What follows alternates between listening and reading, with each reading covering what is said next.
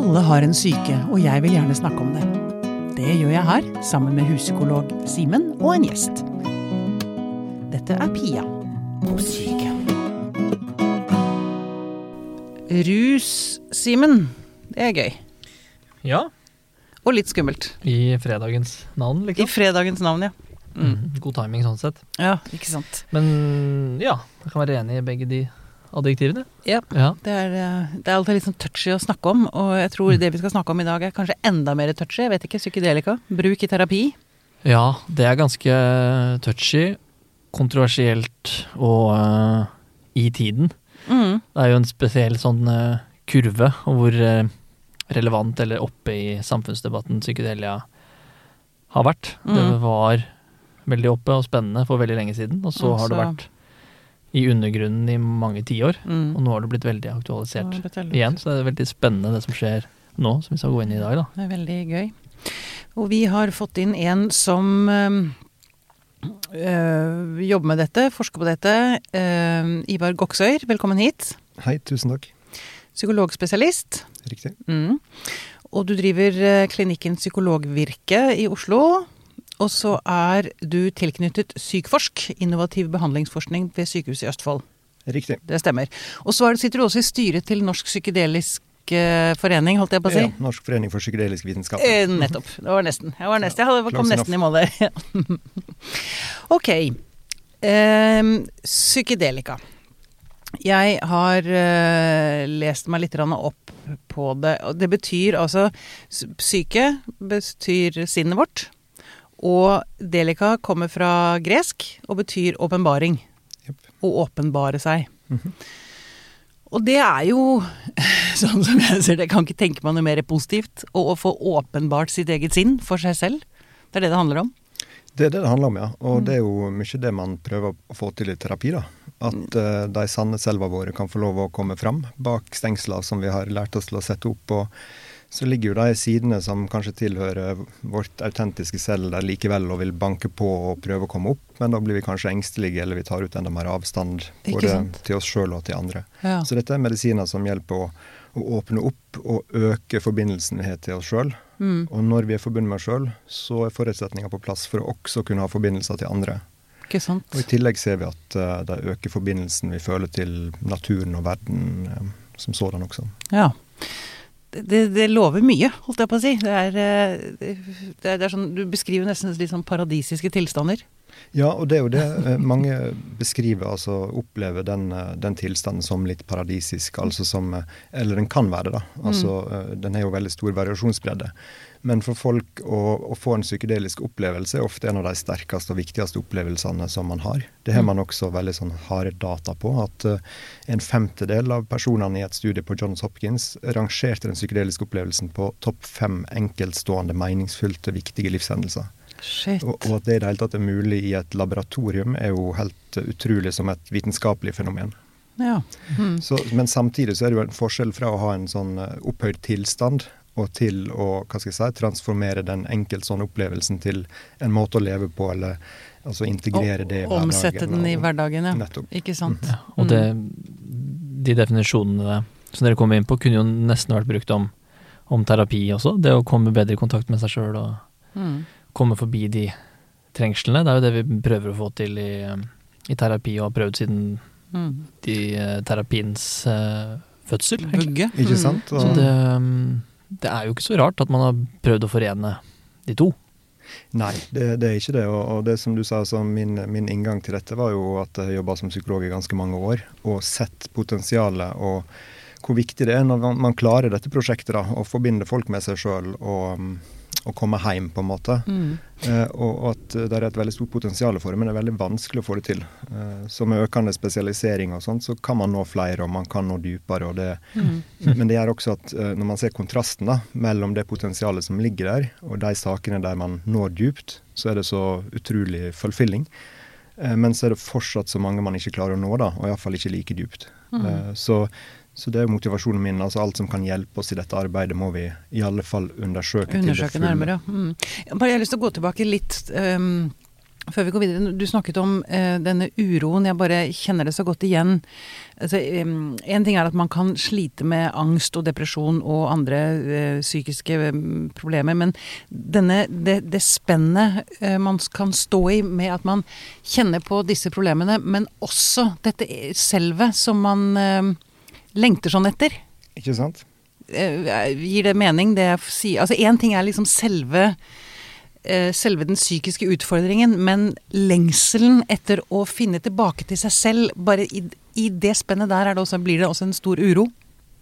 Ja, det tror jeg absolutt. Altså at, det- at det er skremmende. Altså at det, Å komme tilbake til selv sjøl er både noe vi dypt ønsker, men, men det er også noe vi kanskje brent oss på. Eller kanskje vi ikke har blitt møtt.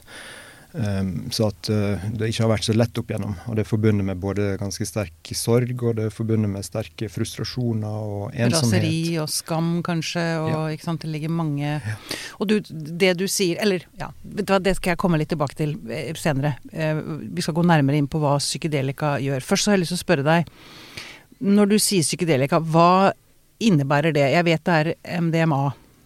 Det er kanskje den mest brukte, eller? Ja, altså vi kan si på den ene siden er det klassiske psykedelika. Og Mm. det er jo da en samlebetegnelse på ulike naturlig forekommende eh, ja, som, eh, stoff som finnes i forskjellige planter, kaktuser, sopper osv. Fleinsopp og sånn? Jepp. Ja, Eh, det gjør det der òg, ja. Ja da, eh, så, men som også kan, sånn, kan framstilles syntetisk i laboratoriet. Som LSD eller psilocybin, som er virkestoff i, i fleinsopp. Så Ja. det finnes det kaktuser som meskalin og San Pedro og sånne Mm. peyote. Mm. Um, Uh, Og ayahuasca. og ayahuasca, ja, Ayahuasca som er, som er i eh, Sør-Amerika. Mm. eh, Der man mikser en, en barken vel, er det vel, av en liane og, en, og blad fra en annen plante, og sammen blir det til en mikstur som får denne psykoaktive virkninga. Mm. Så det er på en måte klassiske psykedelika som, eh, som er de mest kjente. Og så har du andre stoff som også åpenbarer sinnet, men som på en måte er litt andre virkninger. Der MDMA er en, en stor en, som på en måte ligner på meskalin, men som også har en ganske annen virkning, en mer forutsigbar virkning, kanskje en mer angstdempende, iboende angstdempende virkning. Mm. Også på andre sida av den store paraplyen som man kan kalle psykedelika, så ligger også ketamin. Em, som er et dissosiativt eh, legemiddel, men som eh, blir i økende grad brukt i depresjon. Der man også kan på en måte få opp eh, og se prosesser i sinnet som ellers er utilgjengelige og usynlige for oss. Ja, ok. Og hvis vi kaster et blikk bakover, altså sånne stoffer som dette har vært brukt eh, jeg på å si nesten alltid, har det ikke det? Jo, i um, uminnelige tider, årtusener i alle fall, Mm. eh, som man tolker fra hulemaleri og, og forskjellige skrifter etter hvert. Hvor- Hvordan tolker man det fra Nei, hulemalerier? Det, det er sopper Mye farger. det er mye sånn sopper. Tilbedelse av sopper. Og soppa oh, ja. står liksom i sentrum Ah. for Akkurat. transcenderende opplevelser, ser det ut som. Ja, spennende. Eh, Har du andre eksempler på ting sånn fra Nå snakker jeg gammel, gamle dager. Ja, altså i, i gamle Hellas eksempel, eh, så hadde jeg jo det som heter mysteriene i Eleusis, der allmuen en gang i livsløpet ble, eh, fikk ta del i denne guddommelige opplevelsen som man fikk når man drakk drikken kykion. Mm -hmm.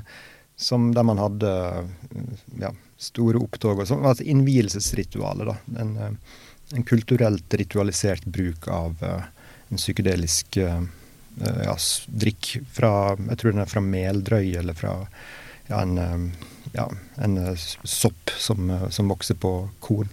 Ja, Mm. spennende. Og så hvis vi spoler ganske langt frem, da. Det ble forsket en del på dette på 50-, 60-, 70-tallet. Mhm. Men så stoppet det ganske brått opp. Ja. For da ble det Da, da fikk man sånn narko... Eller fikk det narkostempelet, liksom. Man er altså narko... Det, var vel også, det gikk vel litt sånn dårlig litt før det også. Det var jo sånt, eh, sånn som jeg har forstått det. Ok, det få høre. myteomspunne MK Ultra-prosjektet til CIA, hvor de forsket for på høre! Det har jeg ikke hørt om. Eh, Jeg er ikke noe ekspert på det heller, Ivar kan sikkert mye mer om det enn meg, men de, de forsket vel på eh, bruk av LSD og andre psykedelia som eh, var vel i forhør for å svekke viljen og eh, påvirke psykologien på ulike måter, da, og kunne bruke det i militære eh, settinger. Så de ja. brukte mer eller mindre Dop- etisk, dop. etiske måter å finne det ut på, da. Det var nok ikke alle forsøkskaninene som var like velinformert om hva de meldte seg på gikk vel ikke så bra. Og alene de som hoppa ut av et dopa vindu. vitnene, og- liksom? Hva sa Eller de dopa vitnene, eller dopa de, de de skulle få forhøre? Mm, det var vel målet, men de måtte Ja. jo forske på det først, da. For ja, å finne sånn, ut av hvordan det funker. Mm. Så nå merker jeg at jeg er litt på dypt vann her, altså. Nei, Ja. men jeg tror det er riktig det du sier. Altså, også, jeg tror jeg tenkte på å bruke det for å altså, hva heter det, inkriminere statsledere. Altså, Mm. altså forgifte dem da, med, med LSD og få dem til å oppføre seg rart i offentligheten. Og, Ja. og kunne man bruke det i drikkevannet og sette en befolkning ut av spill og sånn. Men uh, en av mine, mine favorittsitat uh, når det gjelder akkurat det her, var en, som er, en psykolog som heter Duncan uh, Bluett på Saskatchewan-sykehuset i Canada, som drev mye med LSD. Han sa at eh, it really backfired når, når de prøvde å gi LSD i sånne forsøksøyemed til sine egne soldater. For det første soldatene ville når de hadde fått prøvd LSD, var å slutte i hæren. De skjønte at uh, krig, det er, det er make peace, not war, liksom. Nettopp.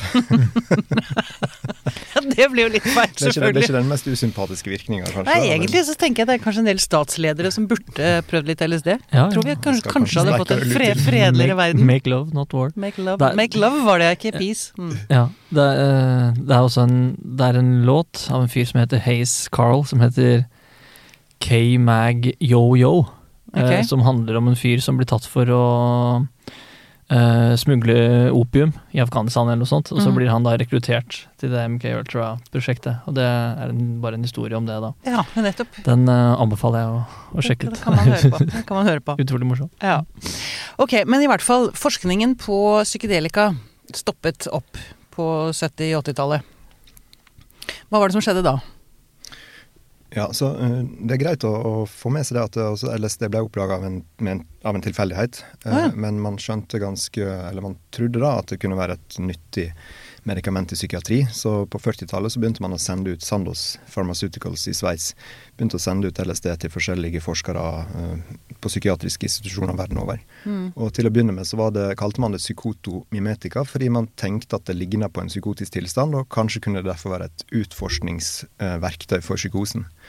Men så, etter hvert så så man jo at folk fikk jo veldig livsberikende erfaringer. Mm. Um, slik at, og det er jo ikke så typisk det psykotiske, kanskje, selv om det kanskje kan være det i enkelttilfeller. Så, så um, fant man ut at man måtte finne et bedre navn på det. Og, og da kom dette psykedelika, at det rett og slett egentlig åpenbarer sinnet. Altså det, og det, det, det, breie innholdet i sinnet. Sinnet er veldig stort, og vi bærer på veldig mye. Eh, Uh, så og så var det egentlig når, når, den eh, ble, når LSD ble mer assosiert med motkulturen, så begynte det å bli vanskeligere å få finansiert eh, forskning og få godkjent forskning. Det var en av grunnene. En annen grunn var at eh, forskninga som ble gjort før 1962, den, eh, den kunne ikke man hensynta fordi det kom nye gullstandarder for hvordan man skulle drive forskning på legemiddel i kjølvannet av en sånn hva heter det, tal talomid-skandalen eller noe sånt, der det var mange barn som ble født med misdannelser.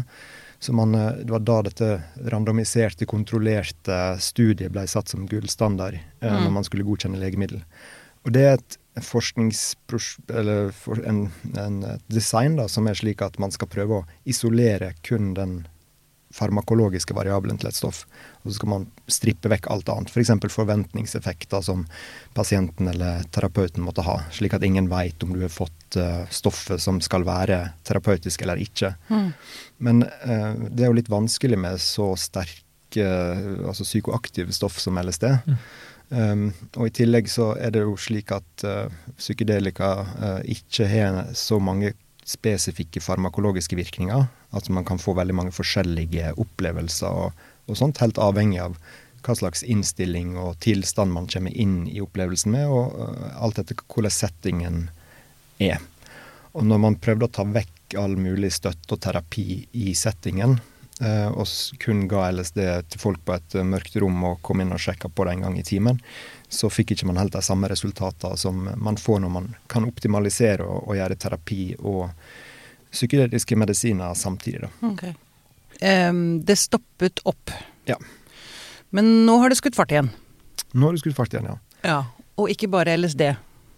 Nei, nå er det først og fremst psilocybin, som, eh, som har en eh, litt, kanskje en enda litt mildere virkningsprofil, men ganske, ganske lik, eh, som man forsker mest på, men eh, som også er et klassisk psykedelikum. Og så er det MDMA, Ja. Eh, I tillegg ketamin, da, hvis man vil kategorisere det som et psykedelika. ja, okay. Så, så det er der det er mest forskning nå. Og, og nå er det allerede i 2016, så eh, det var det året i historien der det ble publisert flest artikler om psykedelika. Siden toppen på seint 60-tall. Akkurat. 60-tall. Det, det skjer mye der. Og jeg, så vidt jeg har skjønt, så ligger Norden ganske langt fremme her. Ja, altså vi har både eh, I alle fall både Sverige, Danmark og Norge har studier pågående nå Mm. eh, på psykedelika og MDMA. Ja.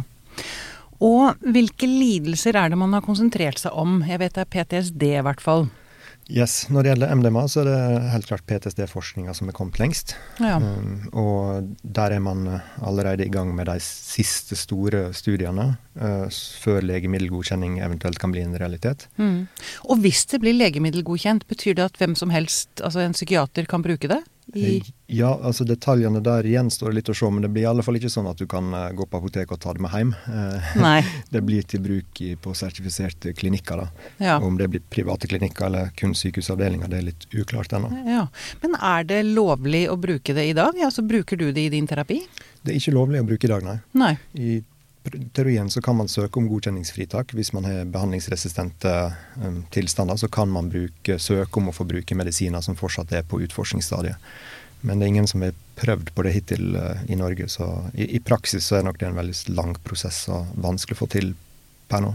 Ja, Er det, er det ikke det? Altså, jeg bare Ja, så syns jeg har sett, eh, uh, sett det på noen private psykologkontorers hjemmesider og sånn, at de driver uh, ketaminassistert Ketamin er- behandling. Ketamin er et unntak, ja. Det er et unntak, ja. Ja, altså, hvor det er, ikke fikk lov å opp. Ja. Ja, For ketamin er allerede et godkjent uh, legemiddel. Eh, slik at eh, det, da er- er det litt annerledes, og det er lettere å bruke det på også indikasjoner som, uh, som i, nødvendigvis, nødvendigvis ikke er godkjent for. Mens MDMA er ennå ikke et godkjent legemiddel.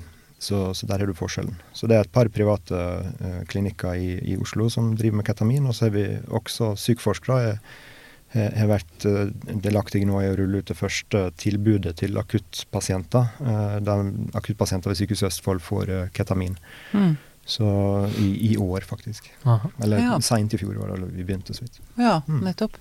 Um, fordi jeg har lest også at um, altså på em, pasienter med PTSD, da, de har jo Det ser ut at det er helt fantastiske resultater. Jeg tror det var 67-68% som etter et år ikke lenger kunne klassifiseres innunder PTSD-diagnosen. Altså de må ha vært altså, friske. Ja, det, det er riktig. Det, det er ganske forbløffende resultat, selv når man tenker på at pasientene var i utgangspunktet veldig behandlingsresistente. Ja. At de hadde hatt eh, PTSD i gjennomsnitt 19 år og Mm. hadde prøvd veldig mye også såkalt evidensbasert terapiform og medisiner tidligere. Mm. Så, så det er veldig, veldig gode, veldig sterke resultat. Ja. Kan du beskrive hva som skjer med en som har PTSD, som, eh, som uh, bruker er- det MDMA som er det foretrukne middelet der? Ja. Hva er det som skjer med sinnet til eh, Ja. Nei, det man kan jo begynne med å si litt om det som kjennetegner en PTSD-pasient, er jo at eh, amygdala, fryktsenteret, er overaktivert. Ja. Uh, når man tar MDMA, så skjer det en reversering. da, At man, man begynner å kunne reflektere mye mer, og amygdala stilnes. Altså så fryktsenteret blir deaktivert eller redusert aktivitet der. Man får litt avstand til traume, rett og slett? Ja, så man at man kan seg se det? Ja, man føler seg trygg. Man, Ja. man, den der konstante trusselen og årvåkenheten, og at man står i spenn, man, man faller til ro i sin egen kropp. Mm. Det ser ut til å handle en del om utskillelse av oksytocin, som er et hormon som, som er involvert i amming og når vi klemmer lenger enn 20 sekunder og, og sånne ting, som handler om Mm. tilknytning. Så, så det er en viktig ressurs som, eh, som hjernen blir fylt av uh, når man tar MDMA. Uh, så, og når man får en sånn veldig sterk kroppslig følelse av å være trygg, da trenger man heller ikke om å sette opp forsvarsmekanismer. Så, så fordi kroppen er jo veldig beskyttende mot traumer vi bærer på, uh, og, og holder det på en armlengde så vel som det er avstand. Men Mm. når du tar MDMA, så blir du rolig og trygg i kroppen. Forsvarsmekanismene går ned, og da kan du begynne å, å se langt og dypt inn i deg sjøl. Og når du gjør det, så ser det ut til å skje en, egentlig en spontant telende prosess. I, I det vi ikke driver og overkontrollerer eh, med oppmerksomheten vår og sinnet vårt og undertrykket og sånt, eh, i det vi kan stille oss sjøl i fri, så begynner kroppen å jobbe av seg sjøl. Og Og folk beskriver at det kommer opp eh, ja, altså bilder, gestalter. Altså man blir vist ting. Eh, kroppen begynner å, å avreagere eh, med følelser som har vært undertrykte, og mm. riste ut frykt som har satt seg i systemet. Og eh, man får opp veldig sånn ja, dype innsikter. Så du kan kanskje si at man uh, muliggjør en gjennomarbeiding ved å, ved å fjerne forsvarene? Nettopp. Og det er det som er vanskelig når man har PTSD. Man kommer ikke inn til selve traumet, liksom. Ja, Fordi men, det er så mye frykt at man Ja, og det tenker jeg kan generaliseres til mye psykisk mm. strev. Eller i hvert fall som terapeuter har uh, prøvd på så lenge man har uh, holdt på med dette. Hvordan skal vi best komme forbi forsvarene og mm. um, komme i kontakt med det som ligger bak det. Ja, ja. Ikke, ikke, alle, ikke alle, alle tilnærminger nødvendigvis, men de aller fleste, vil jeg si det. Og det har man jo klødd seg i hvordan man kan gjøre det bedre. Skal man sitte stille i båten og gynge med Forsvaret og gi det tid? Skal man konfrontere det? Ja. Uh, dette er jo da en, uh, en ny variant, da. Mm. Og en slags jeg vet ikke, er det, er det, fælt å si snarvei? Eller en ny måte å I hvert fall en ny måte å gjøre det på. Ja, så, og på på motsatt ende av den skalaen med at man, man eh, liksom har forbi Forsvaret, at man er på en måte underaktivert, så er det jo det at man blir overvelda. Eller at man er kronisk eh, Altså at man, man blir hele tida Hva heter det, altså invadert av minnet, og mm. det ligger så nærme hele tida, og det kommer opp liksom Det skal veldig lite til for å bli trigga. Sånn hudløs? Hudløs, ja. Mm. Slik at eh, MDMA hjelper jo veldig til å finne uh, ja, altså til å utvide det toleransevinduet. da, At man kan gå inn i traumatiske ting uten at man blir overvelda. Ja. Så det, det, virker både slik at man blir trygg som man, med de som holder litt, litt, for langt unna og skrur seg sjøl litt for mye av. Så hjelper det å, å, komme i berøring, på en måte. Og, og de som kanskje sliter med at uh, man veldig fort blir overvelda, så utvider man veldig det uh, vinduet der man kan jobbe før overveldelsen skjer. Da. Mm. Det, mm. det, høres liksom ut som man finner veien tilbake til tilliten. Tillit er Tenker jeg. Det er sånn som når jeg, jeg hører deg snakke. Helt riktig. Den tilliten som har blitt brutt. Uh, mm. Det er kanskje den beste oppsummeringa. Fantastisk. Så gratulerer. Mm. Så flink jeg er! Skulle nesten tro jeg gikk på psykedelika. Nei da. Men du, eller dere, det er jo veldig mye stigma knyttet til dette. Er det mye, er det mye motstand ute i feltet? Ja, altså eh, når jeg begynte å interessere meg altså. mm. ja, for disse tinga for uh, noen år siden, så var det jo en helt annen uh, situasjon. Så stigma er i ferd med å Altså fordommer står for fall når kunnskap blir spredd. Mm. Så, så, det Og med, nå har vi fått mye økt kunnskap de siste fem åra, med veldig mye artikler og veldig mye data. og og det virker som folk i økende grad er i stand til å ta inn på en nøktern måte og se på liksom hva er det tallene forteller oss her. Mm. Fordi Det ble synlig i siste utgave av uh, Psykologtidsskriftet. Det var, uh, var, veldig fine og store oppslag, da, men også reaksjonene i ulike Facebook-fora og sånt var uh, mer åpne enn jeg har sett før. Stemmer det? Ja, det er også mitt inntrykk, altså. Ja. Så jeg, jeg, tror det handler om, først og fremst om kunnskap. Fordi man, man, har jo mange forestillinger om hva dette er, og det er ikke alle de forestillingene som stemmer. Mm. Så du var inne på dette med snarvei, f.eks., og, og at det kan mm. En kritikk er at det blir en sånn naiv tro på liksom at det finnes en eller annen kjemisk snarvei. Og jeg vil også si at det er jo noe som virkelig kan øh, gjøre at prosesser kan gå raskere, og prosesser kan gå dypere. Men er det noe som er felles for de som får ut opplevelsene, er jo at de sier at øh, jeg forstår at det ikke finnes noen snarvei. At man må jobbe seg gjennom de lagene som ligger der. Eh, at veien ut er gjennom. Ja, du sier at, at uh, fag, fagpersoner mener at dette er en snarvei, altså de avfeier det som en snarvei? Det er en kritikk, ja. ja. Uh, altså urealistisk snarvei og sånt. Og, mm. Men det representerer jo ikke holdningene til fagfolk som er involvert i det, og heller ikke til pasienter. Nei. Altså, og dette med ja, fordi man får den innsikten da, i at uh, det finnes ingen quick fix for en god del ting. da. Altså at uh, altså Mange ting kan hjelpe litt, og både medisiner som kan stabilisere oss, er veldig viktig. Og det er viktig med teknikker, og det er viktig med ulike terapeutiske strategier som kan hjelpe oss å fungere bedre og sånt. Mm. Men for den, den virkelige dypere frigjøringa, personlig frigjøring, Eh, så, så, man må gå gjennom de vanskelige tinga. Mm. Og det er en veldig sånn åpenbar og tydelig ting som, eh, som folk ser da når de har, har fått en slik opplevelse. Mm. Mm. Så det gir også en motivasjon for veldig mange til å jobbe videre. Og man forstår mer rasjonale for uh, ulike terapiretninger. og Flere sier at, uh, at, at de får mye mer ut av terapien i etterkant, fordi man har fått mer innsikt og skjønt mer. og mm også bygd kanskje litt kapasitet da, gjennom å ha ja, gjort et visst arbeid. Og sett liksom et glimt av uh, gleden eller tryggheten eller tilliten, ikke sant? så man vet mulig. hva man skal jobbe mot da, på en eller annen måte. Nettopp. Men et viktig punkt i den, uh, i den motstanden også må vel være det at de fleste som tar psykedelika, gjør jo ikke det i kontrollerte eh, settinger på et terapikontor. De, de gjør det på, på fest eller med venner og kanskje i, i fylla og har øh, kommer i trøbbel. Altså man kan ta overdoser, man kan få i seg noe man ikke veit hva er, eller man kan få øh, vanskelige reaksjoner fordi din personlighetsstruktur tilsier ikke at du burde drive med dette her i det hele tatt, f.eks. Mm. Dette er jo de vanligste historiene i dag, ikke sant? Og som mange, som mange får inn på terapikontorene sine. Og da um, det, setter man det kanskje fort i samme bås, da. Så det må være kompliserende for dere i, i dette feltet at dette er også noe man driver med helt andre steder?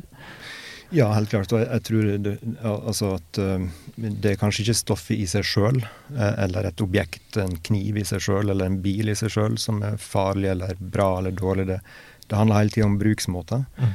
Um, så, så, selvfølgelig, og det er viktig å få med seg også de, altså de kritiske perspektivene. Nå har vi jo snakka veldig mye om på en måte de positive, det positive potensialet som ligger her.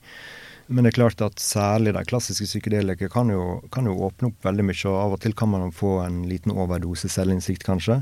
Mm. Um, uh, og man kan få opp ting som kanskje kan være vanskelig å lande underveis, og samtidig vanskeligere å undertrykke på en sånn funksjonell måte i etterkant. Mm. Så man kan bli destabilisert på en måte og få økt mm. symptomtrykk. Mm. Det, det, trenger ikke å være en krise, det, men det kan være hvis man er på kanten av et eller annet stup, så kan det bikke det litt over. Mm. Eh, så det handler også veldig mye om hva holdning man har når man kommer inn. Altså at Man må være forberedt på at det kan være starten på en prosess framfor løsninga på et problem. da. Mm. Og, og, selvfølgelig hvis man tar det i, i settinger der man ikke er trygg. Og, altså, så Det er det jeg snakker om hele tida. Nå er jo terapeutisk bruk altså i en klinisk setting ja. eh, alt jeg refererer til. da. Ja. Absolutt. Men for det, det, er det som blir problematisk tenker jeg med å snakke om dette. fordi mm -hmm. det du beskriver, det du forteller, Eh, er jo noe som Altså, det er jo mange som lengter etter det. Selv om man mm. kanskje ikke har noen dype psykologiske problemer, psykiske problemer, ikke sant, så kan man lengte etter akkurat den derre Hvem lengter ikke etter paradisisk tilstand, liksom? Mm. Det er jo ikke rart at man doper seg. Eh, men det er dette med Eh, hvor farlig det kan bli, da. Det kan utløse psykoser, og det, det kan jo være døden til følge òg, hvis man stapper i seg ja. Ja, det er absolutt risiko risikoer forbundet med psykedelika, som, som med det meste annet. Så, mm. Så, det er viktig å ikke underskjelle det. Men i, i, en terapisetting så ser man at det er et veldig veldig trygt legemiddel og en veldig, ja. veldig trygg prosedyre. Ja. Uten, altså tryggere og mer bivirkningsfritt enn veldig mange andre ting vi på en måte aksepterer og, og mm. driver med. da. Mm. Så farene er jo på en måte det som er knytta til kanskje psykologiske farer. altså at man kan, Det kan bli en vanskelig prosess, på en måte, eller at man kan, få, man kan bli litt destabilisert. Det er vel mm. hovedbekymringa i en sånn klinisk setting, terapisetting. Da. Mm. Men, um, men, uh, men tallene ser veldig veldig gode ut. altså at uh, Det er jo vanlig terapi og, og alle terapimetoder at det er en liten andel som kan få økte symptomer underveis i en sånn prosess. og det gjelder sikkert dette fagfeltet også, men det er ingen, ingen overrepresentasjon av folk som får det dårligere i disse studiene. Mm. Tvert imot. Hvilke andre diagnoser er det det brukes på ja, siden vi snakker om MDMA, så, så, er det jo noen studier på MDMA som, eh, på, på, angst og depresjon i forbindelse med livstruende sykdom, mm. Eh, kreftsykdom, eh, på alkoholisme. Man har også gitt det til, til par, altså der én part har PTSD, den andre parten ikke har PTSD, men men forholds, forholdet får veldig store problemer. Ja. for partneren også, altså? Ja. Mm, hva, hvorfor det, holdt jeg på å si? Hva, hva gjør det? Nei, jeg tror uh, rasjonalet der er vel rett og slett at uh, man, man, anerkjenner at når en person har hatt en psykisk lidelse eller hatt PTSD i veldig mange år, mm. så, så har det påvirker også omgivelsene, og særlig de næreste relasjonene, på veldig dype måter. Mm. Og at én ting er å behandle symptomer, eh, PTSD-en, til enkeltindividet, som er viktig og som kan hjelpe veldig mye, men en annen ting er også å se på all den dynamikken som har satt seg fast i paret, og har mulighet til å gi dem en ny start. Mm. Så, så det er også ganske interessant. da. Og så er det også et studie på sosial angst eh, ved autisme, som er veldig interessant. Eh, eh, altså at eh, MDMA er jo kjent for å øke ikke bare tillit, som du var inne på, men medfølelse, empati. Ja.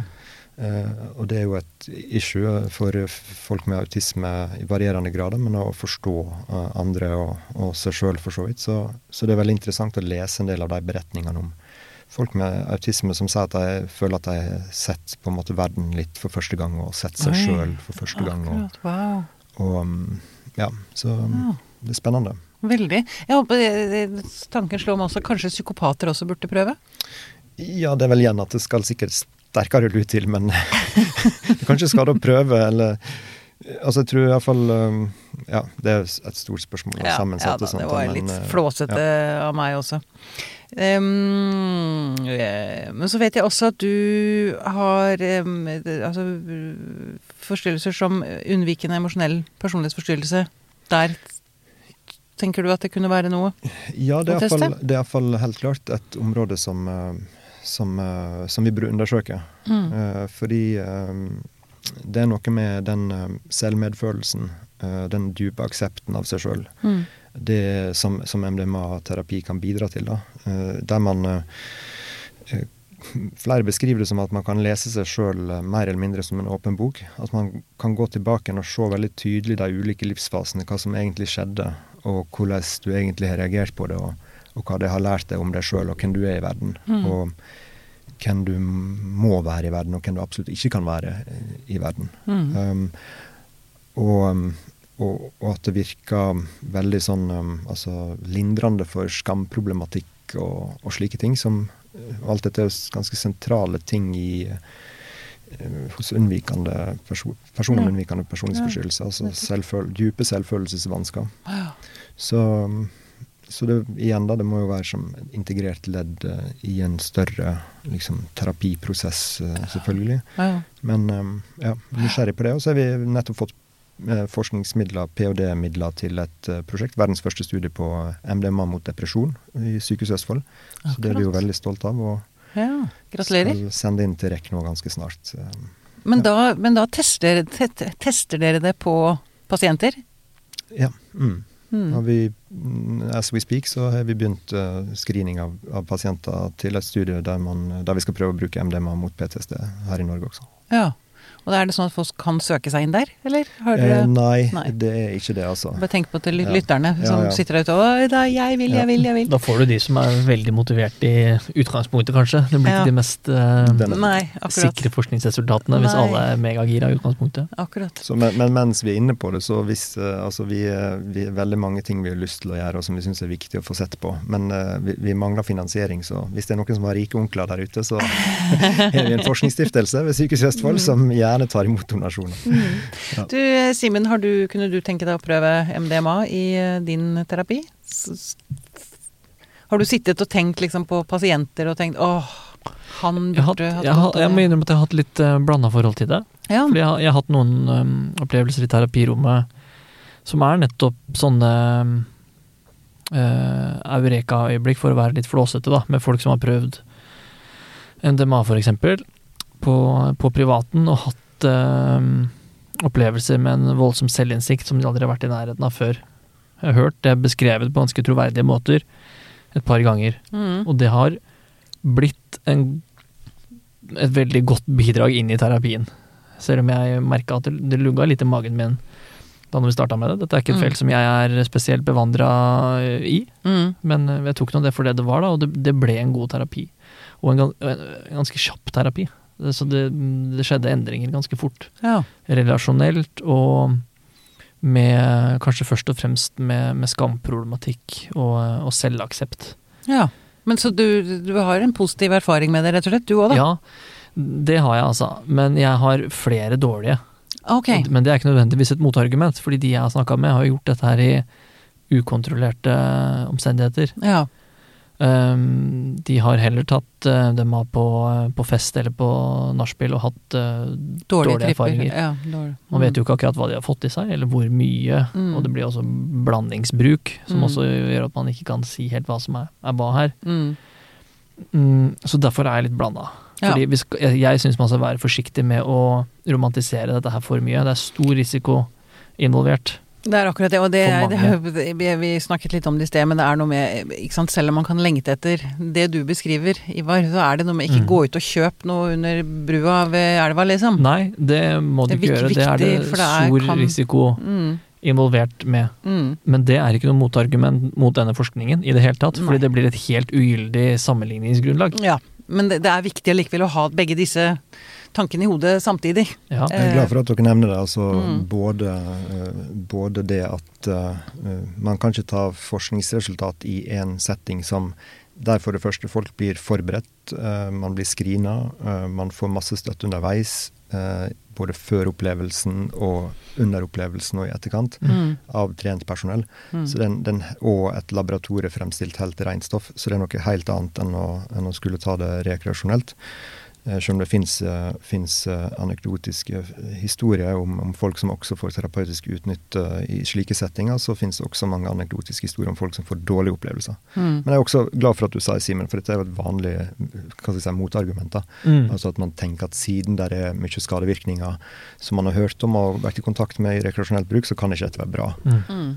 Men, men sånn Sånn er det altså ikke. Det er ikke, det er ikke slik at uh, dette er stoff som gir noe mer skadevirkninger enn noen andre psykologiske metoder i terapirommet. da. Ikke mm. sant? Mm. Men så, finnes ja. Så ja, bare for å svare, da. At det, um, Nei, jeg er uh, ikke imot det. Jeg er åpen uh, for det hvis det Hvis vi kommer dit at vi kan si at ja, dette har uh, god effekt. Det er testet ut like mye som andre intervensjoner. Så klart mm. man er åpen for det. Det som er Eh, fint å se, er jo hvordan vi klarer å åpne opp eh, dogmer som er påvirket av politikk mm. og kultur og motkultur, og kan se mer objektivt på dette her. For det er ganske ja. følelseslada greier. Det er litt ja, ja, sånn høyre-venstre-greie som kommer fram, og det, det, er ikke bare på lunsjrommet dem, det er også på i forskningsinstituttene og til de som fordeler pengene, og det at vi, vi klarer å se mer objektivt på dette her, og de mm. faktiske resultatene og litt ut av boksene våre. Mm. Jeg husker disse filmene, filmene, vi så på gymnaset.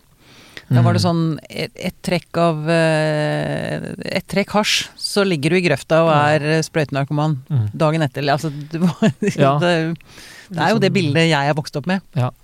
Ja, det tror jeg det bildet de fleste vokste opp med. Og mm. Just også, say no. Ja. Just say no, ja. Altså, mm. Det er en, en, krig mot narkotika som ble lansert. Altså, I alle kriger så er det også en del propaganda. da. Mm. Så, men jeg tror forståelsen vår av, av avhengighet også utvikla seg. altså at man en del av de f.eks. laboratorierottene der man gjorde forskning for å finne ut hvor avhengighetsskapende og farlige stoffer ble gjort på rotter som var helt alene i bur og ikke hadde noe liv. Uh, mens når man gjorde de samme eksperimenter der man hadde whatever rusmiddel i en sånn hendel og, og vanlig vann i en annen hendel som rotten kunne trykke på, hvis de hadde masse venner rundt seg og, og hadde, hadde, et godt liv ellers, så, så, brukte ikke de det noe mer enn av og til til hverdags Nei, til fest, til fest. og moro, liksom. ja. Og de hadde fester, de òg, ja. Mm. Det ble vel også sett litt på med, med mennesker, holdt jeg på å si. Eh, sammenligningen av bruken av uh, opioider eller heroin i soldater i Vietnamkrigen. Og hvor liten andel av de som ble avhengige når de kom hjem. Mm. Til den, de som kom hjem til en ok tilværelse. De som kom hjem til et ordentlig, et ordentlig liv, ja. Med, ja, med så, man må nære og kjære. Heve blikket litt, da. Mm. Det er liksom mm. Det er ikke nødvendigvis slik at stoffet i seg sjøl uh, gjør det så forferdelig avhengig, men det er klart hvis, uh, hvis man har et vanskelig liv og, et, og, sånt, og man kan få en eller annen flukt, så er det noe som, eh, som, de fleste av oss vil kunne benytte oss av hvis alternativet ikke er så finnes eller synes. da. Mm. Men jeg vil også si at vi, vi, nevnte dette med flukt i stad, eller paradisiske opplevelser. En ting som er viktig å si om psykedelika og MDMA også, er jo at det er ikke slik at man, hvis man tar det, får en, nødvendigvis en flukt eller får nødvendigvis et paradis. Man, det er jo ting som konfronterer deg med virkeligheten. Ja. Konfronterer deg med alle mulige sider deg sjøl. Men det er sånn at det både bringer opp de vanskelige og negative måte, følelsene og ting. så du har anledning til å få bearbeida og sett på det, og kanskje få noen nye uh, imprint eller altså, endringer av en mm. del av de skripta du har blitt sittende igjen med. Ja, rewiring, rewiring, av brain, brain rewiring. Mm. Samtidig som du også kan koble deg på de virkelig gode eh, følelsene i livet. Mm. Framfor kunne man sagt tradisjonelle psykofarmaka, som virker kanskje primært litt gjennom begrensning, demping, litt Ja. frakobling. Ikke sant. Ikke sant. Men, og, fordi hvis man øhm, har en terapi da med MDMA, så er det ikke sånn at man begynner å gå på MDMA jevnlig. Det er noen timer man Ja, det, Gjør dette det i er riktig. Det, det er noen få ganger både med psykedelika og MDMA. Så er det noen få ganger i løp som et integrert ledd av en lengre terapiprosess. da. Ja, Mm. ikke sant. Så det er ikke noe Du slipper de eh, eh, altså faren eller ulempene med, daglig, eh, med daglige bivirkninger av medisiner du tar hver dag. Mm. Men kan, kan du gå gjennom sånn helt konkret den avtalen hvor du, hvor du skal få preparat? da? Hvordan, hvordan ser den konsultasjonen ut? Jeg regner med at den ikke er på 45 minutter, og så er det takk og farvel. Liksom. ja, Så jeg er nysgjerrig på akkurat hvordan det ser ut. Ja, det. Ja da, eh, det, det kan jeg dele. Jeg har jo sjøl vært med i et studie som en del av opplæringa mi. Så var jeg med som deltaker i et studie i USA. Så, så det kan jeg se for meg as we speak. Men eh, nei, du, du kommer på morgenen, og da eh, så har du en liten prat. Du har jo møtt terapeutene før og, og bygd opp et tillitsforhold til dem, og de vet en del om deg. og Forberedt deg på hvordan virkninga av medisin kan være, og ja, fått litt sånn flight instructions da, på hvordan du kan møte forskjellige ting som måtte dukke opp, og, og sånn.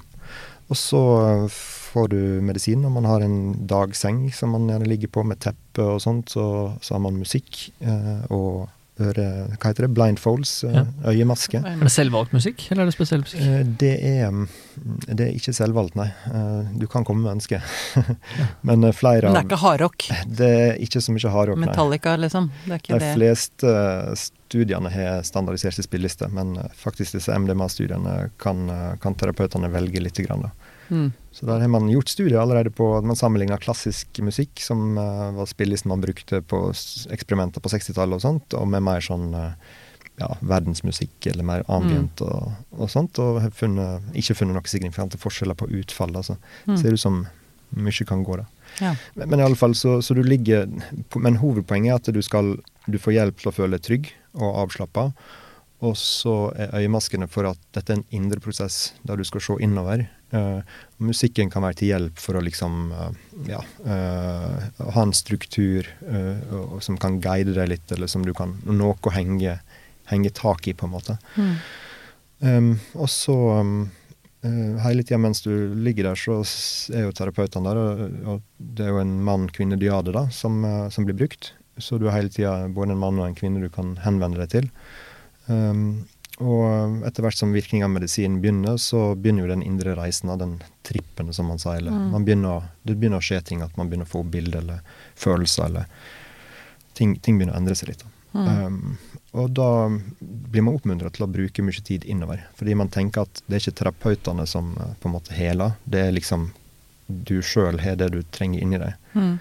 Så du trenger ikke å sitte og ha kontinuerlig dialog holdt jeg på å si, med hva du opplever. nettopp. Man, man, eh, man eh, veksler litt på mellom periode, lengre perioder med sånn eh, introspeksjon, som det heter, der man ser innover, og så at man når som helst kan reise opp også og snakke med terapeutene. Men man prøver å begrense også samtalen underveis litt, grann, slik at man kan samle flest mulig erfaringer, og så har man masse tid til å snakke i etterkant. Mm. Men det er litt forskjellig. Noen vil ligge innover eh, nesten hele tida, mens terapeutene bare sjekker inn eh, av og til. Mens andre har relativt sett mer dialog, da. Men, Mm. men det er et viktig prinsipp at uh, ting kommer opp fra innsida helt av seg sjøl. Mm. Ofte ser man veldig sånn forbløffende prosesser der, eh, som er veldig vanskelig å se for seg at en psykolog eller en terapimetode skulle tenkt ut i forkant eh, hvilke ting som skulle skje i hvilken rekkefølge. Men man er rett og slett ganske genial selv. Ja. Det, er det. Man, Mm. Selvhelende kapasitet. Det er jo, det er jo, ja, men det er jo et fantastisk bilde. Altså, hvor mye vi faktisk bærer av løsningen. At vi bærer løsningen selv. Ja. Hvis vi bare tør å er åpne oss og slippe mm, kontrollen. Og Så det er en hel dag, det der. det blir en hel dag. mm, Riktig. mm. Og så hva skjer etterpå da? Altså, hvordan reagerer pasienten på det dagen etter, eller hva, hva Det må jo være en utrolig sterk opplevelse? Ja, for veldig mange er det det. Og, og, og apropos dette med altså MDMA kan jo bli kalt ecstasy på, på gata og sånt. Og eh, folk kan jo si sånne ting som I, don't know why they call this ecstasy. This was hard work. Oh, ja, sånn, ja. Så, mm. så, at man kan være ganske sånn eh, Det er forskjellig, da. Altså man kan være ganske utmatta. At man har vært gjennom mm. noen virkelig dype prosesser og sånt. Uh, så uh, man kan være veldig oppstemt og veldig ydmyk og veldig takknemlig og veldig glad, men, men også ha fått veldig mye å tygge på mm. og liksom føle seg litt sånn worn out og Mm. Vært gjennom en tørketrommel. Men så er det jo standard at man er ikke alene heller når man, når man er avslutta for dagen. Da har man en nattevakt som du kan når som helst ja, snakke med, og du overnatter på institusjon mm. uh, i, i, disse studiene, så vi tar veldig godt vare på folk. Og morgenen etterpå så møtes man til en første sånn integrasjonssamtale, som man kaller det. Ja. En halvannen time i alle fall. Da. For å lande opplevelsen, liksom. Ja. Snakke gjennom og mm. det, Og forankre den sikkert også. Nettopp. Mm. Makes sense. Det litt paradoksale her er at her kan jo det helt eksperimentelle møte det byråkratiske Helse-Norge på midten. De har jo blitt så opptatt av uh, korttidstilbud. Strukturerte, intensive tilbud over bare noen få dager, f.eks. Så det kan jo være midt i, i blinken. For, uh, Politisk sett så høres dette ut som en god investering, ja. Ja, det er mm. sånn helseøkonomisk. helseøkonomisk. De vil nok like, mm. like designet ja, på dette. Ganske bra. Intensivering av behandlingsdosering er absolutt et mm. trekk i tida, og det, det, gir jo mening at hvordan reagerer politiske Norge på dette? Mm, altså, så Vi har eh, hele tida hatt en veldig ryddig dialog med mm, Legemiddelverket. og Alle studiene vi har søkt om, har gått rett gjennom regionaletisk komité. Og så har vi hatt mer eh, prosesser med Legemiddelverket der de har vært helt profesjonelle og hatt veldig mm, si, relevante innsigelser. Mm. Og det første studiet vi prøvde å få godkjent, eh, det endte jo med at vi, vi, ikke fikk anledning til å gjennomføre det i Norge, men det var mest fordi at eh, studiet allerede, allerede var i gang i andre land som hadde godkjent under samme ja. forutsetninger, og da mm. kunne ikke man endre på det uh, når det hadde begynt. da. Men Så vi har opplevd det som en Altså at, at de, de, de, hva skal jeg si, de gjør jobben sin. Så ja. det virker ikke som det er, det er ingen politisk motstand eller Nei. eller byråkratisk motstand. sånn sett. Helt, or, følge ordinære spilleregler. Men er det sånn å forstå, så vidt jeg har skjønt, hvert fall, så lidelser som min, bipolaritet, mm -hmm. altså psykoselidelser, der vil man ikke bruke dette? Så uh, det er utgangspunktet, ja. Mm. Fordi man har sett en del eksempel på at det særlig kan være risiko for å trigge en manisk episode. Mm. Og det er at man har tatt en foranstaltninger i de moderne studiene der man ekskluderer folk som har bipolar lidelse eller psykoselidelser, eller som har det i nærmeste familie. Mm. Så, men uh, nå så jeg nettopp før jeg kom, tenkte jeg skulle lese meg litt opp, da, siden jeg, jeg var klar over det. Mm. Uh, så er det et studie som er på gang nå, der man ser på det riktignok bipolar 2, da, men der man bruker psilocybin. Ja, nettopp. Ja, ja. Uh, og skal se på sikkerhet og effekt av det i et kontrollert studie. Hvilket sa serotonin? Uh, nei, psilocybin. Psilocybin, ja. Psilocybin, ja. Liker mm. i fleinsopp og mm. ligner, ligner, på LSD. da. Så, så det, det, det, er jo egentlig det første godt kontrollerte studiet der man ser veldig systematisk på akkurat den lidelsen. da. Ja. Og så er det um, forskjellige, altså det finnes forskjellige spørreundersøkelser som er dårlig kontrollert, men som, som viser jo, bekrefter jo at ja, det er en risiko, men det er også eksempel på at, at personer kan få hjelp uh, av psykedelika, sånn iallfall. Men dette er jo dette er ikke god forskning, da. Det er bl.a. en doktorgradskandidat uh, som heter Benjamin Mudge, som gjør veldig interessant forskning på seg sjøl. Um, der han, uh, han uh, ja, behandla seg sjøl med uh, ayahuasca, som er dette brygget i Sør-Amerika. Mm. Um, og, og, og, og, gjør veldig ja, systematiske undersøkelser av hva slags effekt han får av det, og forskjellige typer brygg. Og um, forskninga hans er jo for smal til å kunne konkludere noe, men det kan tyde på at det er visse psykedelika som har mye kortere bindingstid på denne serotoninreseptoren, som ikke gir så høy risiko for maniutvikling likevel, og, mm. og flere Men han er bipolar, eller nei? Han er bipolar. Han, er bipolar. Han, han, beskriver jo han beskriver jo at han har prøvd 17 legemiddel og vært institusjonalisert, innlagt veldig mye, og, og ja, ja. Klart, klarte å stabilisere symptomene sine, men til en høy pris, og at han uh, fungerer bedre med denne typen. Men, men det er det er virkelig på Det er en mer anekdotisk Det er veldig eh, anekdotisk, ja. og jeg anbefaler ingen å verken slutte med medisinene sine eller, eller gå over på psykedelika på dette området i det hele tatt. Men, men, bare for å si at uh, det er ikke nødvendigvis så svart-hvitt, og at vi, men vi må vente på mer kunnskap, og det er på vei. Mm. Så det er positivt. Nettopp. For jeg, det er jo igjen hvordan man forholder seg til Jeg, jeg mener jo at bipolariteten min handler om traumer i barndommen å gjøre, og, og det er derfor jeg syns at dette er så interessant. Fordi jeg tror det kan løsne opp noe, da.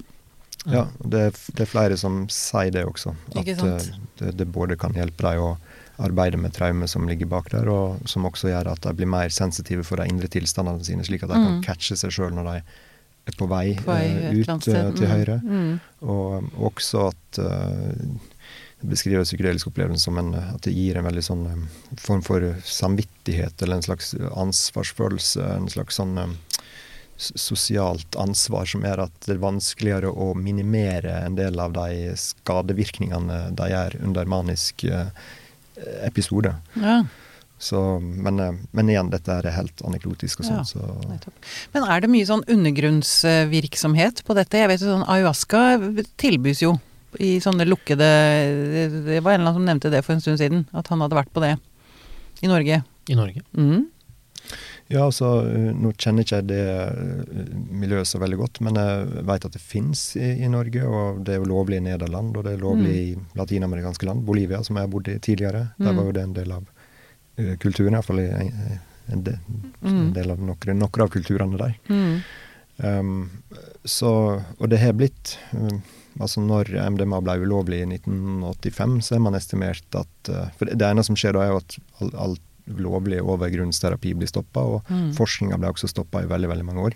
Mm. Men rekreasjonsbruk eh, blir jo ikke stoppa. Det er det eneste, det er det man ønsker å ramme, men det er det som ikke blir ramma i vesentlig grad, ser det ut som. Mm. -hmm. Eh, og det gjorde jo også at terapivirksomheten eh, gikk under grunn. Og det var jo flere av de som drev med MDMA lovlig før forbudet, som sa det at eh, når du har oppdaga sjelens antibiotika, så kan ikke du forlate det bare fordi det er blitt uh, ulovlig. Mm. Eh, så følte en etisk forpliktelse til å fortsette. Og det er jo sterkt vitnesbyrd, om ikke annet, folk som er villige til å risikere eh, karrieren og, og fengsel og alt mulig for å fortsette med noe som de tror på. Så kan det jo hende at de var forleda eh, av et falskt lys. Eh, Men jeg ville vært forsiktig med å konkludere i Ja. den retninga for tidlig. Ja. i. Nettopp. Men hva tror vi da sånn eh, Altså, det, det ser jo ut som Det ser jo veldig lovende ut for Altså, forskningen viser til veldig positive resultater Når tror du det eventuelt kan brukes i Norge? Ja, først så vil jeg si at nå har vi snakka mye om det positive eh, liksom potensialet som ligger i. Mm. Så vil jeg også bare si at det, det, heller ikke psykedelika er for alle.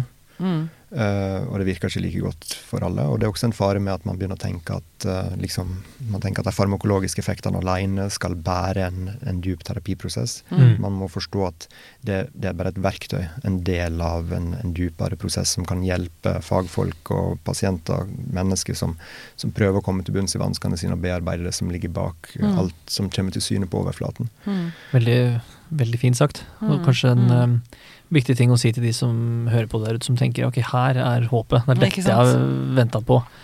uh, men som kanskje ikke har prøvd så mye uh, ordinær terapi, da. Men hvis Mm. du blir nysgjerrig på det tenker at shit, det, dette dypet av meg selv har jeg lyst til å finne ut av. Prøv vanlig terapi, da. Først, om, Ja. om så bare når du venter, holdt jeg på å si. Ja, Fordi Fordi det er nok av eksempler av folk som klarer å oppnå disse tingene også uten medikamentell hjelp, da. Mm. Helt klart. Og så er det forhåpentligvis noen som ikke hadde klart det ellers, som får en slags mirakuløs effekt av, av dette. Det er det jo. Men uh, Begynn på et arbeid innover først. Begynn på å arbeid innover. Bruk den nysgjerrigheten. Til å drive deg innover, ja. Ja. Mm. Ja, helt klart. Og, og det er også forskjell på å snakke om at psykedelika kan være veldig viktig, og det kan gi opphav til veldig store opplevelser, viktige opplevelser, til å si at det bør bli et lovlig legemiddel, eller at det nødvendigvis har en god effekt på forskjellige psykiatriske diagnoser og sånt. Der er det veldig mye vi fortsatt ikke veit. Eh, Og selv om eh, resultatene så langt er veldig lovende, så er det også mange små studier. Um, så vi trenger mye mer kunnskap. Mm. Så bare for å ta det forbeholdet også, da. Um, men eh, særlig MDMA-forskning har kommet langt, og um, der ser det ut som at det vil bli et lovlig eh, legemiddel i 2022 i USA, og jeg tipper 2025 i Europa og Norge. Å ja. Ok. Får vente, vente fire år, da. Venter du utredning? Nei, nei, jeg vet ikke. Jeg, jeg, jeg har jo god nytte av terapi. Altså det er viktig, å- viktig å få sagt det. Mm. Du Ivar, eh, er det noe du har lyst til å føye til nå mot slutten, som eh, du enten Nei. har lyst til å understreke, eller Nei, altså jeg vil understreke at dette, dette handler jo om um, altså at vi, vi lever i en tid uh, i et samfunn der altså, lidelsestrykket er ganske stort. Uh, det, på verdensbasis er depresjon ledende årsaken til uførhet. Det er enorme kostnader økonomisk for samfunnet, og sånt, men først Ja, og det øker og øker. Og det øker. Mm. Og det er enorme kostnader for familier. De fleste familier er ramma og sånt. Og det å støtte denne forskninga betyr ikke at man er for eh, å bruke psykedelika rekreasjonelt. Det betyr ikke at man liksom mener at dette er svaret, men eh, det er en, en vei som er veldig lovende, og som er blitt veldig forsømt. Mm. Eh, og som er veldig viktig at vi, vi, vi legger bort fordommer og åpner oss for å gjøre opp vår egen kunnskapsbaserte mening. Og de fleste bør jo ønske mer forskning og mer kunnskap på et underutvikla felt velkommen. Og det er det som vi jobber for på Sykehuset i Østfold, og det er det vi jobber for i Norsk forening for psykedelisk vitenskap. Og eh, det er det det handler om. Altså, vi må Vi kan ikke bare fordi dette virker litt fremmed og litt rart og mm, sånt, at man kan man, Vi har ikke det privilegium at vi kan tillate oss å avvise en sånn uh, lovende spor, da. Mm. Og fordi det er jo slik at uh, altså veldig mange har jo vært i kontakt med hjelpeapparatet, og veldig mange får heldigvis hjelp. Uh, men det er også veldig lett å se altså alle som har vært i kontakt, men som ikke har kommet i mål, eller som ikke har fått så mye hjelp. Mm. De fleste kjenner kanskje noen.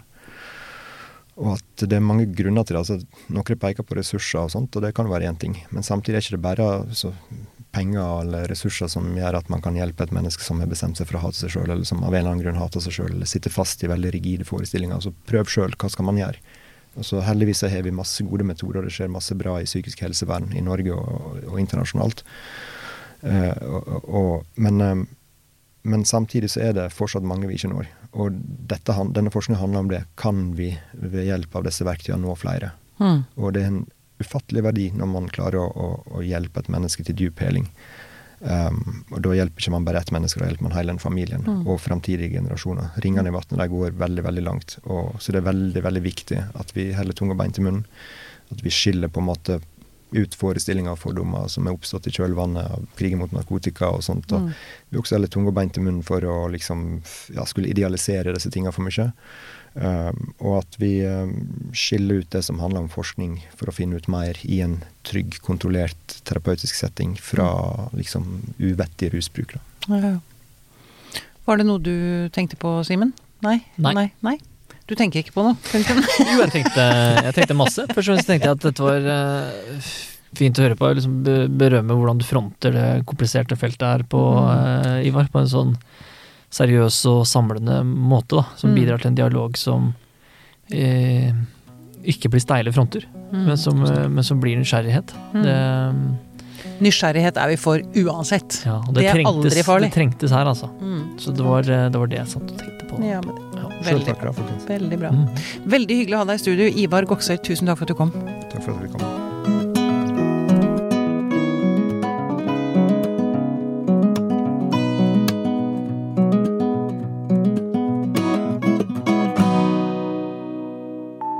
Podkasten er produsert av Tid og Lyst. Med støtte fra stiftelsen Kåre Berg.